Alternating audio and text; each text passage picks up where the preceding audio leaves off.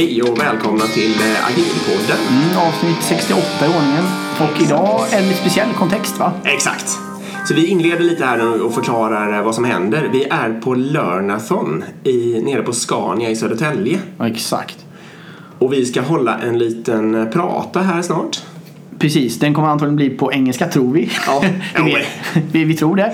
Eh, Och tanken är också att vi kommer spela in det. Så vi kommer köra Exakt. någon form av livepodd. Så vi kanske kommer försöka få in lite frågor från de som är där och lyssnar och sådär. Mm. Eh, Så det blir spännande. Innan vi går in på mer detaljer där ska vi dock ta och tacka Informator, utbildning. Gå in på agilpodden.se, klicka på informatorloggan, välj och vraka i ett härligt kursutbud. Skriv agilpodden i kommentarsfältet när ni anmäler er. Mm, precis. Eh, jag ska säga lite snabbt då bara, vad är en learnathon Ja, i den här tappningen? Det är helt enkelt ett, eh, ett maraton för att lära sig. Och det består av, eh, det var en keynote speaker som inledde med varför det är viktigt att lära sig saker. Sen har det varit parallella sessioner, jag tror det är tre parallella sessioner. Varje, det är små korta föreläsningar helt enkelt. Längre än blixttal men korta. De är alltså 30 minuter med utrymme för 10 minuter frågor. Och jag har varit på två stycken. Den ena handlar om eh, data science och machine learning. Jättebra basgenomgång. Den andra handlade om eh, värdeflöden. Vad är ett värdeflöde? Hur bygger man det? Hur kan man förbättra det? Också superintressant. Precis, och vårt tal här kommer handla om hur bygger man ett agilt team egentligen. Precis. Lite vad ska man tänka på, vad, vad är vanliga fallgropar, Ja. eh, vad är definitionen av ett team och så vidare. Precis. Eh, Så jag tänker att ni får helt enkelt hänga med oss på den här Exakt. resan. Eh, Så när vi kommer tillbaka här nu efter vår lilla musikslinga så, så sitter vi helt enkelt där nere med massor med publik och så hoppas Precis. vi att det här går bra. Helt Att experimentet bär sig. Ja, exakt. Så häng kvar. Eller häng med. Yes. I think we had 35 minutes, but we will use 45 most likely. Uh, hope that's fine. Do we have a choice? No, don't. Maybe it's longer. Who knows? Let's see. Um, okay. So, uh, welcome to this episode 68 of uh, Agilpodden. And uh, it's wonderful to have such a great audience here. Yeah, can we just have a like a um, what do you say? Proof. No applaud from the we're here. audience. Exactly. To hear you. Very good. Amazing. So that's about like 50 people or something Something like that. in front of us. Yeah, so today's subject is uh, agile teams or how to build a team. What is actually a team?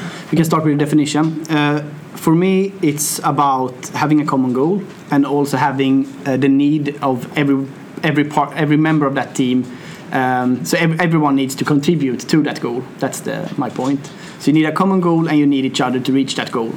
If you have that in place, that that is a team for me. And uh, what happens otherwise? Uh, otherwise, it's just uh, like individuals uh, working together. So, uh, like an example, then I guess that uh, most management teams create excellent teams since the word team is in their name, right?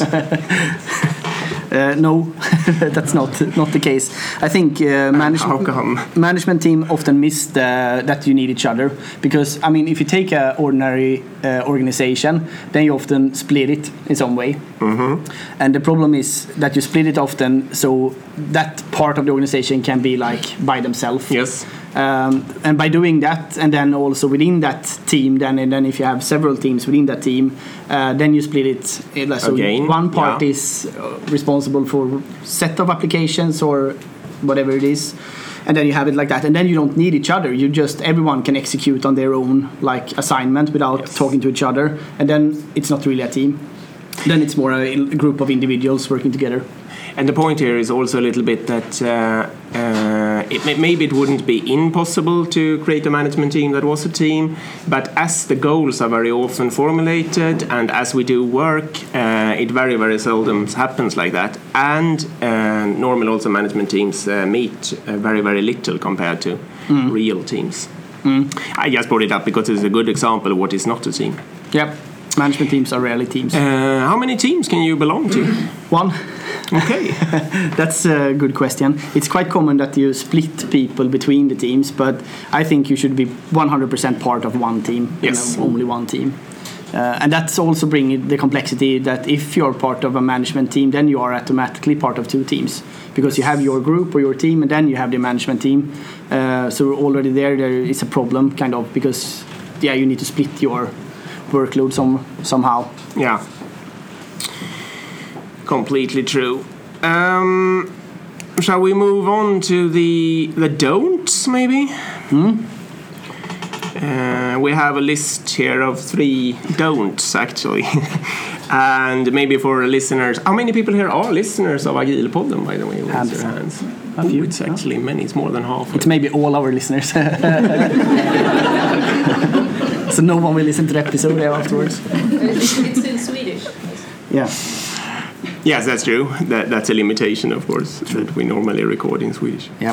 Uh, no, but the- for uh, listeners of Agilpodden, you might guess that my first uh, don't is uh, scaling. Um, if you have a team and you're delivering and everything works and you want more done, uh, just don't fall for the temptation to uh, to scale. Uh, it's actually better to uh, to be happy with what you have and uh, try to earn money or benefits or whatever it is out of that. Yeah, and, and put the effort in improving that team instead to perform even more rather than scaling. Yes, exactly. And with scaling, we mean adding more people, right? Yeah, we mean, I think I mean adding more people so that it's not enough with one team any longer. To make, it depends on the team. Yeah, what's a good team size? That we haven't touched. Two pizzas. Two pizzas. Yeah, they should be fed by two pizzas. So uh, I don't know. Depends how five, hungry- plu- five plus minus two, maybe. Yeah, something, Something something like like that. Uh, they can be also bigger. Uh, shall we bring up our favorite example from uh, the gaming industry uh, of not scaling? Yeah, sure. Minecraft. Yes. Yeah, uh, we had uh, Henrik as a guest of this podcast, and he talked about like not scaling an organization. So Minecraft or Mojang, as the company is called, they are building Minecraft. It's a game, you know it most likely. They have approximately 90 million monthly active users, so it's a quite big game worldwide. It's actually the biggest game in the world Yes. because it beat Pac-Man, uh, yeah, uh, which was the biggest before. Uh, and they have a team of ten developers because they never scaled. They were just one team, and they had the idea from the beginning that we should never scale this uh, this organization or this development development organization. Of course, the organization consists of like 150 people because they have a lot of like sales and legal, and and that has to be scaled when you're moving out in a lot of different countries and Yes. regions. But the development team is still 10 people. That is quite amazing. Um, because they have like unlimited with cash, so they could be like uh, I don't know whatever organization, would have four wanted to, thousand of course. developers or whatever. Exactly. And I also think uh, a point here is that if you instead of instead of getting stuck in the trap of scaling, uh, you should consider uh, uh, changing the architecture or create another team doing whatever the other things that you need done on the side, sort of. Because if you can like create a fairly autonomous situation for them, working on a separate code base, for example, and with clear interfaces in between them, uh, you don't get all the disadvantages of scaling. And in this Minecraft case, actually, the, the, those 10 people that you talk about are um, uh, creating the Java edition, and there is also Bedrock edition done by other people. Like so, that's of course you could call. Uh, it's more resources anyway than, than just one team on that. total True, they also have like these hosting the realms. They're doing by teams outside, so they have several Many- yeah, teams. exactly. But, but the core development team is still 10 people. exactly. Yeah. Uh, our second don't is this depends, of course, a bit, but that is uh, change the team. It's sort of a, sort of a cousin, I guess, to scaling, and uh, here we mean uh, try not not to increase the team or decrease the team or uh, exchange members with another team. And that actually, so we bring that into the team development, uh, to the team dynamics. Yeah, sure. I think Carolina is probably here. Yes, she was talking about this recently. So this might be a bit of repetition for those of you who listen to that. Yep. Um, but let's do a, a short. Short recap of team dynamics. Okay, Yeah. I, I was not part of your uh, talk, so I don't know what you said. Um, but in general, you could say that uh, doing um, if you put people together in a team with a common goal and the need of each other to reach that goal, uh, some kind of uh, group dynamic or team dynamic will happen automatically. Uh, and uh, then when you study this and you do that on a lot of people, then you can see that it's actually four phases. Or there are several models, but one model is saying that there- is four phases. That's forming, storming, norming, and performing. Um, and if you just uh, let a team be and you don't do anything actively, you just let it be, uh, then approximately 7%, if I remember the data correctly, uh, is reaching, reaching the performing stage. So 7 team, 7% of the teams will be high performing team delivering a lot of value. Uh, but absolute majority of team will fail on the storming phase. It will be small conflicts, um, and then you will stay in that stage forever. Uh, especially if you're not aware of the different stages. Uh, Yes.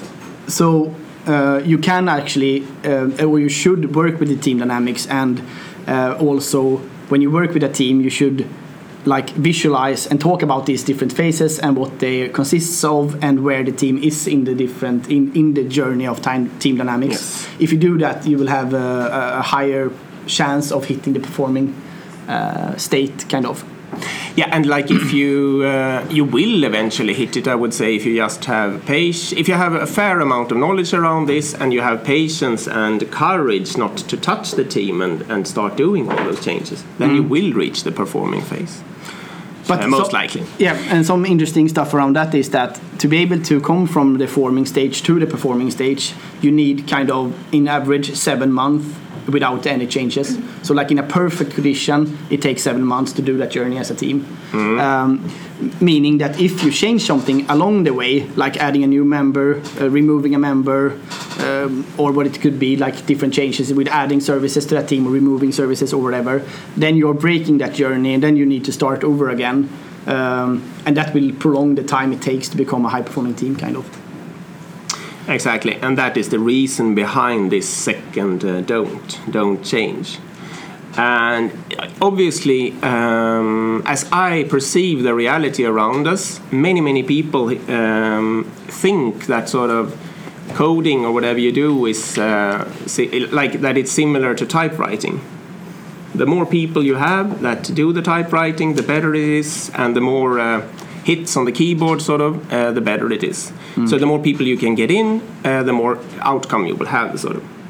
But if you have a, uh, an outstanding understanding of this and you feel courage enough, like to believe in it, maybe you would rather than if you're sort of on month number five and you want to increase the performance of the team, you might instead of um, recruiting another three members all of a sudden, you might just uh, increase the efforts on getting into uh, performance, uh, into performing phase.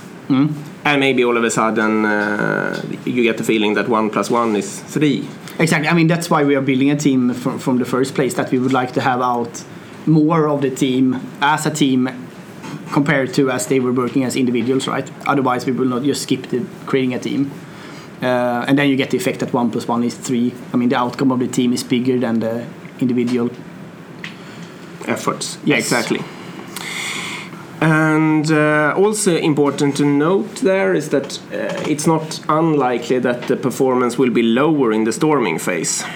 So the outcome will be lower there. It's good to be aware of that. Exactly. So if you, if we are creating a team now, just picking five random members of the crowd, uh, and then we create a common goal and we start to work together, then we will actually have a quite okay performance.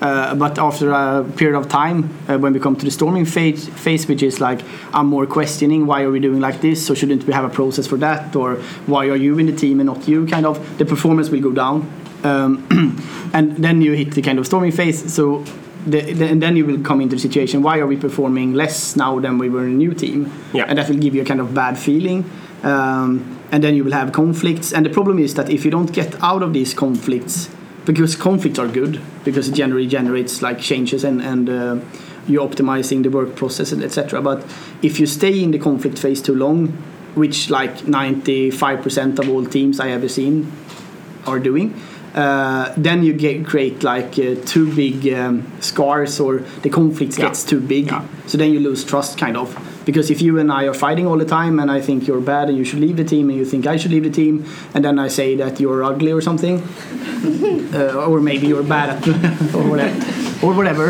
uh, i have a list actually but we can take it later. Um, then, then uh, uh, we will never get the trust between each other again because we have such a like big conflicts it between will be each other. difficult at least. Yeah, exactly. So the the um, uh, the only thing there is actually to probably split the team Yes. uh, and create uh, new teams with us in in uh, in not the same team.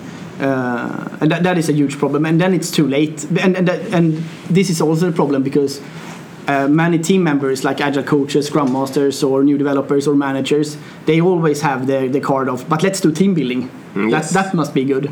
Uh, and, and the thing is that team building is actually uh, very poor in the beginning of a team when you are in the forming phase um, because you don't trust each other and if you don't trust, trust each other then it's stupid to go out and, and do uh, like uh, climbing in trees or what you do on team building because the, the effect will not be anything really It doesn't do any harm either. It just doesn't do anything. It doesn't-. It no, just exactly. gives a nice time, but it's quite neu- neutral on the effect of the team performance. Uh, but doing that in the like norming phase, then it's brilliant to do it.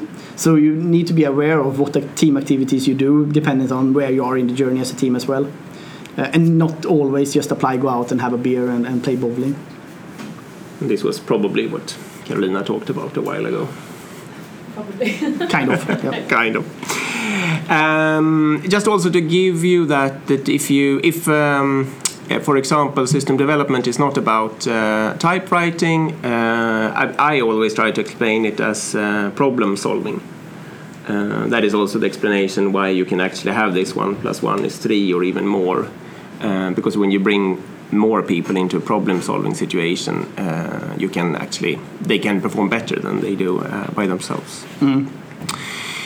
And exactly, and just as a point, maybe we said No. it, but but just as a point. So if you want to like increase the output of your organization, you should just freeze it for a year. Like Yeah. don't employ anyone, don't change anything.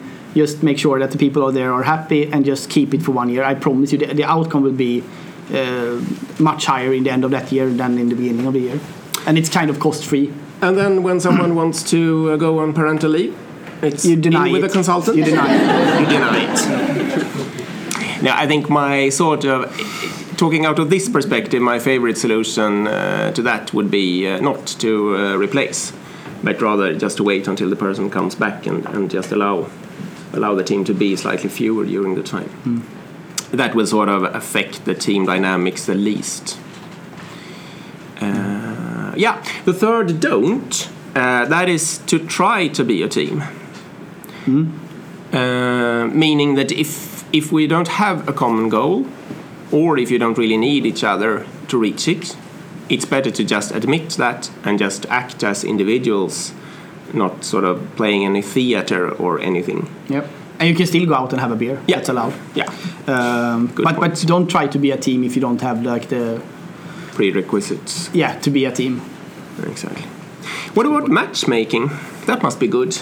Yeah, we, and uh, maybe we should explain a bit what we mean. Yeah, like uh, if you want to create a new team, uh, someone sort of sits and thinks that this person belongs, uh, is very good in this team because the personality goes very well together with that other person, etc., and trying to sort of build it theoretically. To, to find the members uh, in a theoretical manner. This yeah, what do you think about that? It's quite common, uh, and uh, according to every all research that is ever done, uh, it's not a good idea. It's actually the, the effect of that is neutral or almost negative. So the the, the, the team that someone picks, uh, let's say I'm a manager and I pick that, yeah, but Clara will work good with Stina and Stina will work with Claes, so that's a good team. Let's put them together. Uh, instead of like just doing it randomly, uh, it won't, it will not have an effect. So it's better to do it randomly. randomly, or of course that people who are interested in the Yeah. in whatever is supposed to be done can Yeah, sort of today. uh, ask to be in the team. Uh, Self-organization, Yeah, yeah. self-organization of some kind. That's obviously up to uh, whatever practical circumstances there are, what what is possible and what is not. But matchmaking and, and thinking that uh, giving the team a head start is it's, it's a bad idea. We shouldn't do it. Hmm. Yeah, you mentioned seven percent, and you mentioned seven months. hmm Uh, what if you actually? I mean, assume that you have some sort of a minor team, maybe three members or something, and you still have an hypothesis that, and one of them is quitting, maybe. So you think that okay, I'll, I'll take my next seven months to build this up again, and it would be good to have double the size or something like that. So you actually want to bring in new people, and that's a conscious decision. How would you do? Manager writes an ad, yeah. put on the web page. Uh, no, so I mean, we, uh, if you bring in new people to a team, of, there is an onboarding process. Then, then you can question yourself how how easy onboarding process would you like to have, and that you can kind of decide dependent on how you recruit. Uh, because if you do like team recruitment, uh, we did it here at Scania actually uh, with one of the managers for one of the teams, where the teams were part of uh, writing the ad, doing the interviews, um, also in the end deciding uh, which candidate should get the job. Then the kind of onboarding process is super easy, right? Because when the new people arrive, the team will say, "Oh, finally you're here. Good, let's go." And then, it, then, they, then you don't need to have a centralized onboarding process in uh, some kind of document. Uh, you should never have that, uh, but still. Um, but if you don't do it like that, if I instead, as a manager, recruit a new team member or someone else do it, and then just one day comes and say, hey, "Hi team, I have a new team member for you,". Then the onboarding process is like super complex because then you as a manager need to be there all, all the time and kind of help and yeah i employed you because you were supposed to doing this and now you should work with that and yeah then it's more complex so like doing it, let the team be part of the recruitment Yeah. really ease up the onboarding process uh, but then also if i would do it then i would also tell the team that most likely we will drop back now in the group dynamics journey Yes. even I mean, let's say we are in norming, performing, whatever stage, we will go back to the forming stage because we have a new member. Um, and then we need to be aware. And of course, a, a high performing team will be very quick in coming back to high performance again, but it will take some time. Uh, but if the t- team is aware that okay, we, we we understand why there is a big need of bringing new people in, uh, let's be part of recruiting it, and let's be understand that we go back in, in group dynamics, and let's identify what activities we need to do to come up to a performing active um, performing stage again. Yes. Then it's fine, kind of. Hopefully, the team was even a part of the decision to bring in that uh, new In, team in best member. case, yes. Yes. And of course, due to practical reasons, this might be some sort of a compromise between what whatever some manager or central HR or whoever does. But it's very good. The more involvement of the team, the better. Uh, what about uh, looking for? It must be best to find super senior, You, you phrase the questions in a good way, yeah. don't I? super senior developers only. Uh, that would sort of give the greatest chance of a lot of great code, right? I think you have a rant, not a rant, but you, you have some uh, uh, ideas about like competences and start with that. Uh, yeah, recruit for competence or attitude. Um, I mean, there is a saying that goes um, uh, recruit for attitude, train for skills. And of course, we, we have been talking a lot about this. And of course, if there is no competence or skills at all in the in the sort of field where this person is supposed to uh, to act, that will be a challenge. And uh, because it will take maybe a year or several years to, to learn. But always start with uh, considering the whatever attitude uh, you need for, for the new team member. That's definitely my advice. And then when you have sort of, if you only find one, you have to pick the one with the right attitude. And if you can choose from many, yeah, okay, choose the one with the most skills, then that's fine. Yeah, I think it's very But common that Not the uh, other way around. No, it, and it's very common that we say that. Yeah, but we, we need a new member in our team, but it needs to be a senior. We need Yeah. senior people. It can't be anything else. We need the senior people, and and I mean that's of course like in an ideal world, perfect to have a senior people, right? Yes. But what actually happens is that that position is just open for endless amount of time because you don't find the senior people. Um, and it's super common that like yeah we're trying to recruit but we need a senior and we can't find a senior and yeah now it's one year later and we're still trying to find a senior and yeah then you like end up in that endless loop Yes. and uh, also my experience is that uh, if you have uh, a team working in like the performing stage or, or uh, is working in a good manner uh, then on, onboarding a junior one and getting the efficient up on that person individually will be super quick and uh, within that year you're waiting for recruiting the senior they will be kind of not maybe the same level but it will be almost on the same level Yeah. The sort of adaptability, at least on some sort of statistical level. This is not true for you in this room, of course, but for many other people, um, you can sort of see that uh, junior people maybe have a, a higher level of adaptability. Um, yeah, I think that's that. uh, I also yeah that's what, what I wanted to add. My my experience is sort of that if there is some sort of a um, like competence level or something within the team from junior to senior, uh, what happens very often if someone uh, at the top of this uh, scale or whatever you want to call it uh, quits is that everyone else takes their chance and jump up one step. So it's very often okay to to recruit junior. Just wanted to add that. Good point. Um, who is in the team? Do we ha- how many product owners do we have in the audience? Ah, it's completely safe here. There's no one raising their. I, I saw one, You saw one. but I will not point uh, her or him out. Um, no, but um, is the product owner on the team or not? That's uh, classical. Yeah, I think I mean that's that's the problem with dividing an organization into like business and IT, uh, because that then you're also if you should be part of the like dev team as a product owner and part of your own organization, then you kind of are in two teams. Yes. So that's a problem. It easily happens, but, yes. Yeah, I, I think for sure. That, I mean, everyone. We had some kind of rule. We uh, just came up with it, but like 80-20 rule. Like, Hmm? explain that.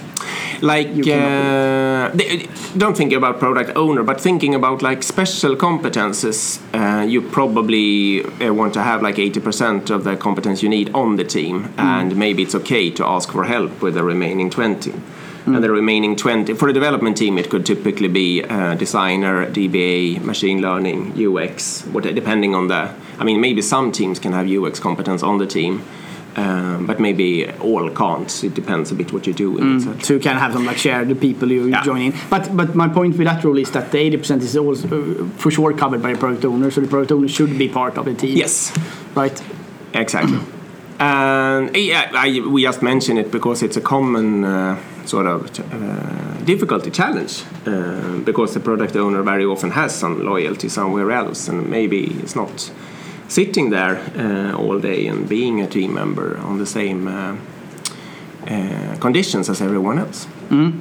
And that's a good thing if you would like to increase the output of the team. Is like sit as a product owner, sit with the team 95% of your time or 90% Yeah. or as much as possible. Yes. That will most li- li- likely increase the the output of the team as well. Exactly. My backwards uh, sort of take on that is that if, if as a as a piece of advice to a team that if the product owner doesn't uh, isn't there, uh, behave like if like, like you assume that the product owner is there. So like you get you look around, you don't see any product owner. Be surprised. Go for the ne- nearest telephone, call her or him up and ask, "Where are you?" and ask whatever question you have. And then seven minutes later, when the next question appears, do the same thing. And then uh, eventually, the person will either start coming there or uh, maybe resign from that. Yeah, or just take the decisions. I mean, if you as a team just, uh, but okay, so we don't have any product owner here, so let's take the decisions by ourselves. And then uh, uh, when the product owner starts to notice that, okay, shit, this team is taking a lot of decisions without me involved, then the product owner will Yeah. automatically be, be involved. Kind of. We have a question. Fun. Great. Nice. Yeah. Uh, is the group manager a part of the team? Okay, so I will just repeat the question for uh, the ones listening. Uh, so the question is that is the group manager part of the team? I would answer no normally. Um, a little bit depending, of course, of the setup. But um, it, like, is the group manager uh, uh, a hundred percent member of the team, sitting there all the time and uh, uh, necessary to to fulfill the the goals of the team? And working on the same goals. If the answers to that are yes, yeah, then the group manager could be, but very often uh, the answers are not yes. So it's better to to see that uh, see the group managers as one of the twenty percent that you can take help of outside the team. Follow up question on that or? Yeah, because yeah, I, I, I like your question before about uh, recruitment. Mm. To really see that that is also activity the team is involved in to do that. And for me, that is one of the classical responsibilities of a group manager. Mm. Meaning when, when you have actually a common goal, not only to deliver from the backlog, Mm. but also to make the team be, be sustainable over time and get new people in. Mm. So then I think that fulfills the criteria that you have, that you have a common goal, Mm. For the team and that you need to work together to reach that. Yeah, fine. I mean, uh, that's a long question to repeat. uh, but but the question is like uh, once again, if uh, the the manager should be part, and if. Uh, if the manager has the responsibility of recruitment, uh, then maybe they should be part of the team, and and you can add that as a, like a common goal to the team. I think it's fine. I, I think you can do both models. It depends a bit on the organization and how you are uh, set. Uh, I'm currently working. I see myself as a team member uh, as for now, and I have a manager position. Um, but I work. I also work like 100% or 90% or 80% of my time with the team. Um, but I have also been in the situation where that was, was not, not the case, and then I would rather put the recruitment part on the development team. So I would delegate that responsibility as a manager to a development team rather than keeping it by myself. And just be a supporting function, sort of, for the administration uh, of it. Exactly. Yeah. Yeah. Why not? Cool. More. I think it's time for questions. Yeah. Yeah. Let's go for it. Oops. we don't have many questions. Okay. Okay. Hmm? question about the recruitment and, and diversity. Because uh, I, I assume that the team would tend to hire other people that are similar to themselves. Are we losing a risk of losing the diversity perspective on the team? It's. Uh, can I take it? Or? Yes, Or- I, I can uh, repeat the question. The question Oh, is: good. Is there a risk of uh, of uh, not having as good diversity uh, if the team does the recruitment? Erik will answer. Uh, uh, in general, no, I would say, uh, because uh, we, I mean, I always assume that the people that is working in the team is like super smart and highly educated, etc. So they will have that like, as a like automatic thing to consider. Uh, but if you want to be sure as a manager, you can also um, like set up some uh, principles on okay how do we recruit at this company?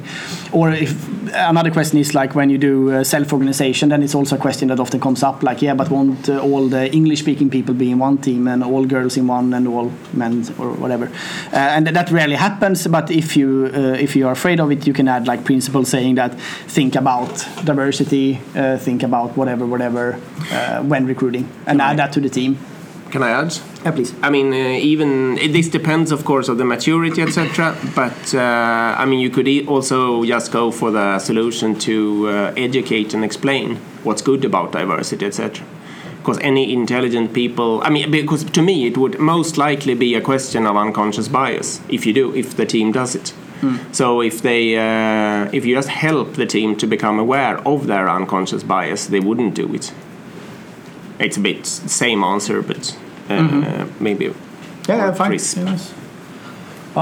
Uh, when should you recruit? If productivity goes down every time you recruit and you restart this process, should you do it in batches, like Huh? every three years? Yeah. Or because, uh, for example, in my team, I think we're hiring very quite often, at, uh, like every year or something.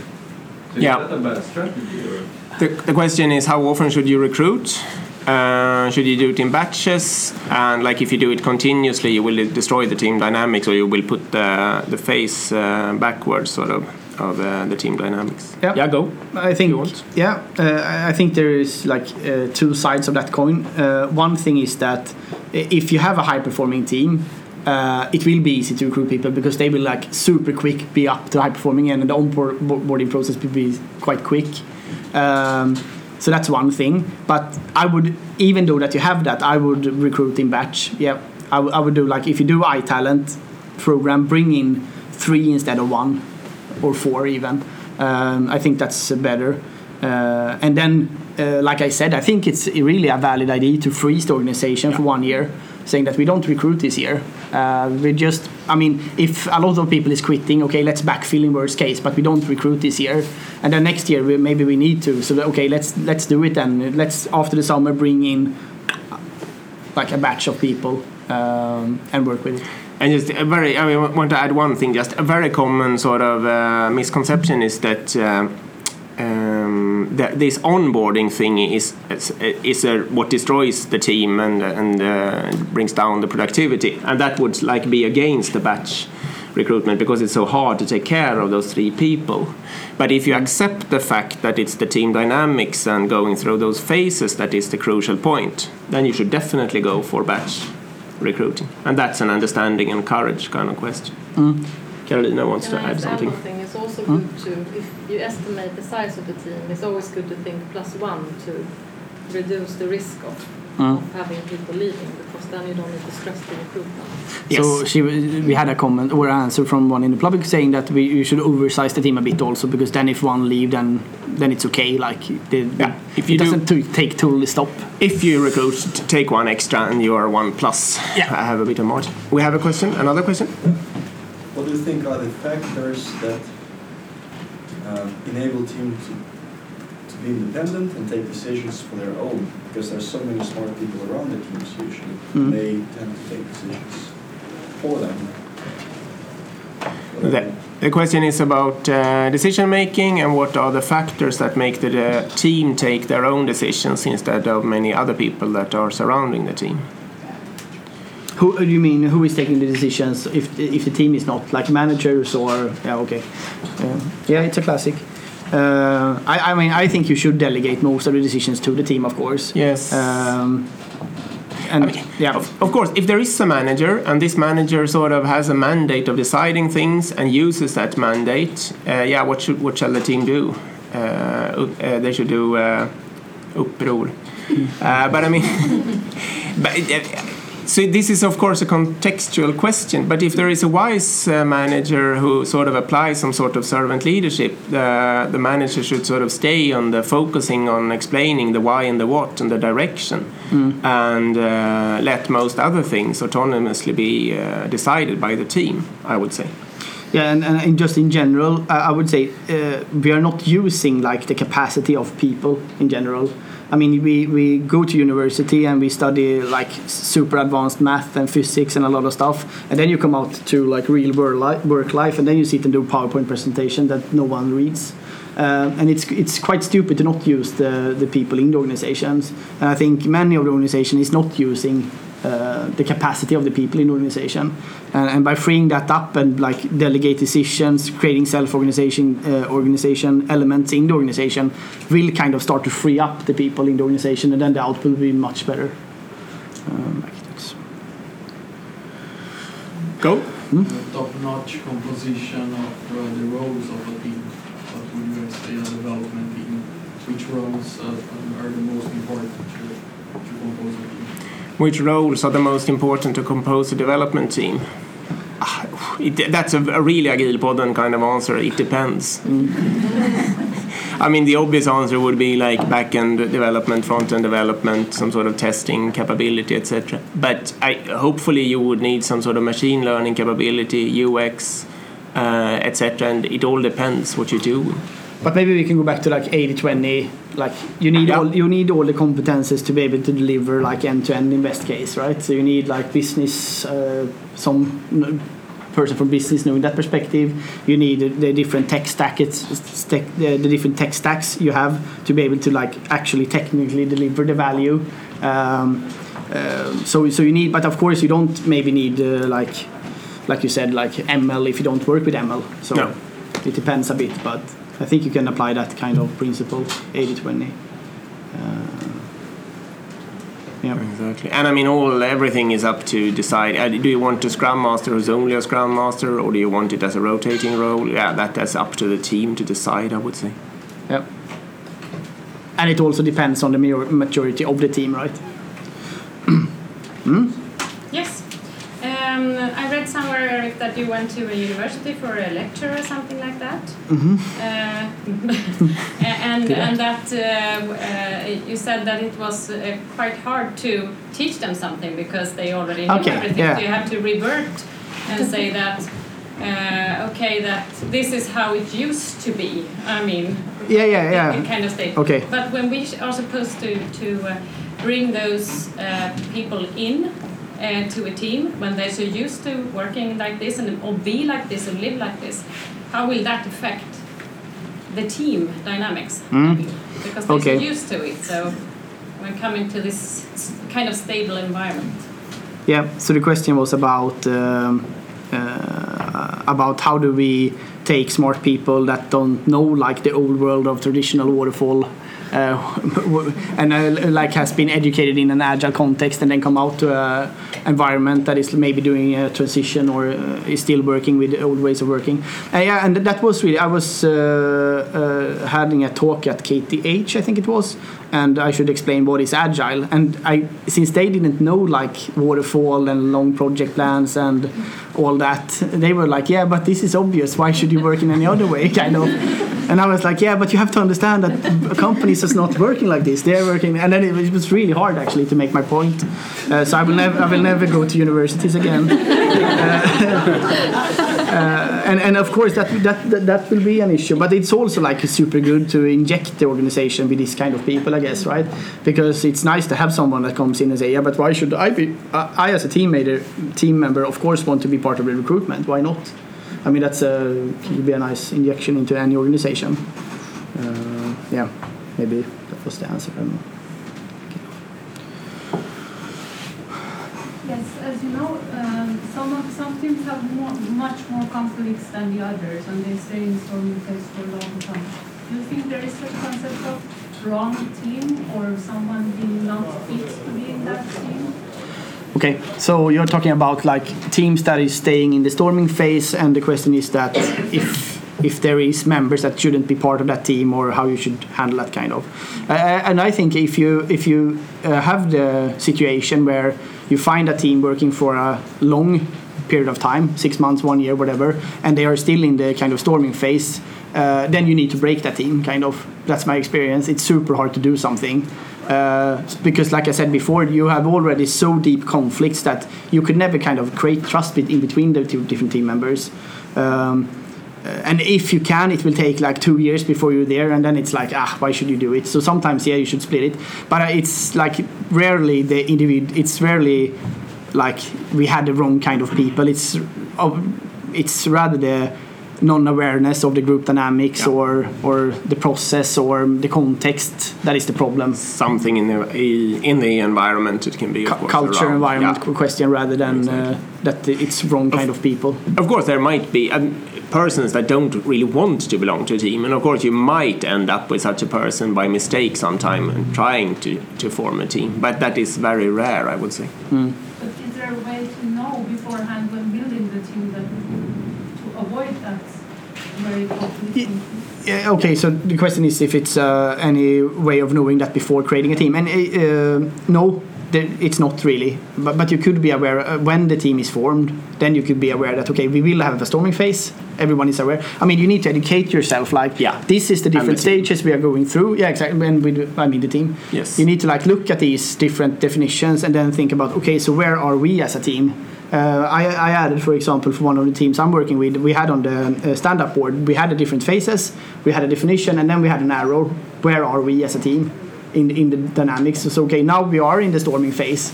Okay, good. Let's let's uh, think about that, and let's uh, maybe be a bit more kindful how we uh, like express our opinions. Um, so you can be aware when you do the journey, but it's you couldn't like like I said, you shouldn't uh, only pick five people that is not uh, that is very kind and just put them together and hope that they will work better. You shouldn't you shouldn't do that. Yeah. Uh, Is it okay to ask a question about the subject from another Agile model? Yeah, wh- why not? Yeah, because first of all, I think you have a great format where really you sit and discuss, uh, inquire, and you learn a lot. One of my, one of my major learnings was when you had uh, Niklas Modig with Mm. pod. And you talked about this lean culture and agile culture, and then you came to the conclusion that actually you're, you're having the same objectives. You're trying to improve organization some way. And, but you also need these etiquettes because if you want people to change, you need to have a new name. And then at some time, both Niklas and you said, yeah, maybe we need, should have a common name like improvement. You even joked a bit, maybe we should change the name of Agilpodden to something like Improving Pod, something in the future. Okay. Are you feel, still thinking like this, or have you learned something new that saying that we should not try to merge these uh, type of cultures? Uh, the question is about the, um, the name of the cultures, and the cultures typically lean and agile, and it was about the episode with Niklas uh, quite a long time ago now. And uh, the question is like, should we rename it, and, or and co- could we use the same name for those two? Uh, but my short answer to the to that question is no, because they sort of respond to different uh, problems. Agile respond to the problem with big um, uh, variation, and Lean sort of responds to the problem with with uh, big volumes. Uh, and it's good to keep the two separated, even if they are cousins and very similar in many ways. And the sort of the, tr- the trap of the terminology, uh, I think it, it has not hit agile uh, so badly yet. Lean was worse in that case, like um, his example with the healthcare and so on. You can't talk about lean healthcare today because then people just think that it should work faster. Um, but agile, I don't think. I think that agile still has uh, in society the word still has mostly a positive. Uh, It depends. It depends, I mean, course. if you look at uh, if you're looking at the future a bit, then you can see a lot of uh, agile coaches at LinkedIn now, for example. They just are coaches, like organizational coaches, enterprise coaches, uh, and then they use agile and lean as like more toolboxes to uh, adopt. Yeah. Um, and so th- that could be a like a trend moving onwards. That yes, I think we will talk less about agile as a concept and more uh, the values and principles behind it and I think we will merge lean and agile much more also. Uh, but it depends a bit. I mean, if you have in the healthcare, they had two big tries, uh, at least here in Stockholm at Karolinska, to implement lean. They did it in a very bad, wrong way. People are super mad at lean, think Yeah. lean is like the worst uh, thing that ever happened. Uh, so of course, if they should do another try and uh, uh, like adopt lean principles, and maybe they should rename it, like Yeah. call it something else. And, and also, if you are in an agile transformation, maybe you don't need to stress the agile world that much. More talk about, okay, why do we want to do this? What is the expected outcome? And what principle should we behave as as an organization? Yeah. is it time to try to round this off now? or- We have one more question, One more maybe. question. Yeah. Last question. Then. What tips would you give to resolve conflicts in the team? What tips would we give to resolve conflicts in a team? Do you have something on that? Um, Okay, or shall I do something on that? I think that uh, it depends, of course, what kind of conflict it is, and hopefully it's around. Um, I mean, it's a factual conflict of some kind. Uh, I would try to refer to the common, uh, the common goal and the common mission, uh, and try to work with all of the team to see how they can get uh, get along, sort of in in that direction. But of course, if it's a very personal conflict and if the team members are not at all able to resolve that themselves, then there would be other methods. uh, of course. Yeah, and it's hard. It really depends on what it is. Uh, I had one nice example where we had uh, conflict in. We had two developers, quite senior, and they really wanted to go different paths, path A and path B, and it was like total different path, and on like the architecture behind the solution.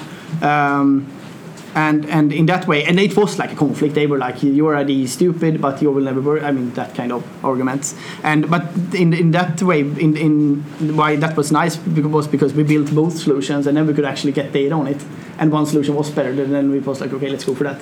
Uh, so that's one way of doing it. Like, okay, but let's explore both paths for a period of time. Uh, let's not take a decision now. Um, but otherwise, it really depends. If, like you said, if it's like a personal Yeah. conflict, and, and, I'm, I'm I'm bad at solving conflicts as well, so I shouldn't answer. I'm usually part of them. So uh, thank you so much for coming and uh, listening. yeah.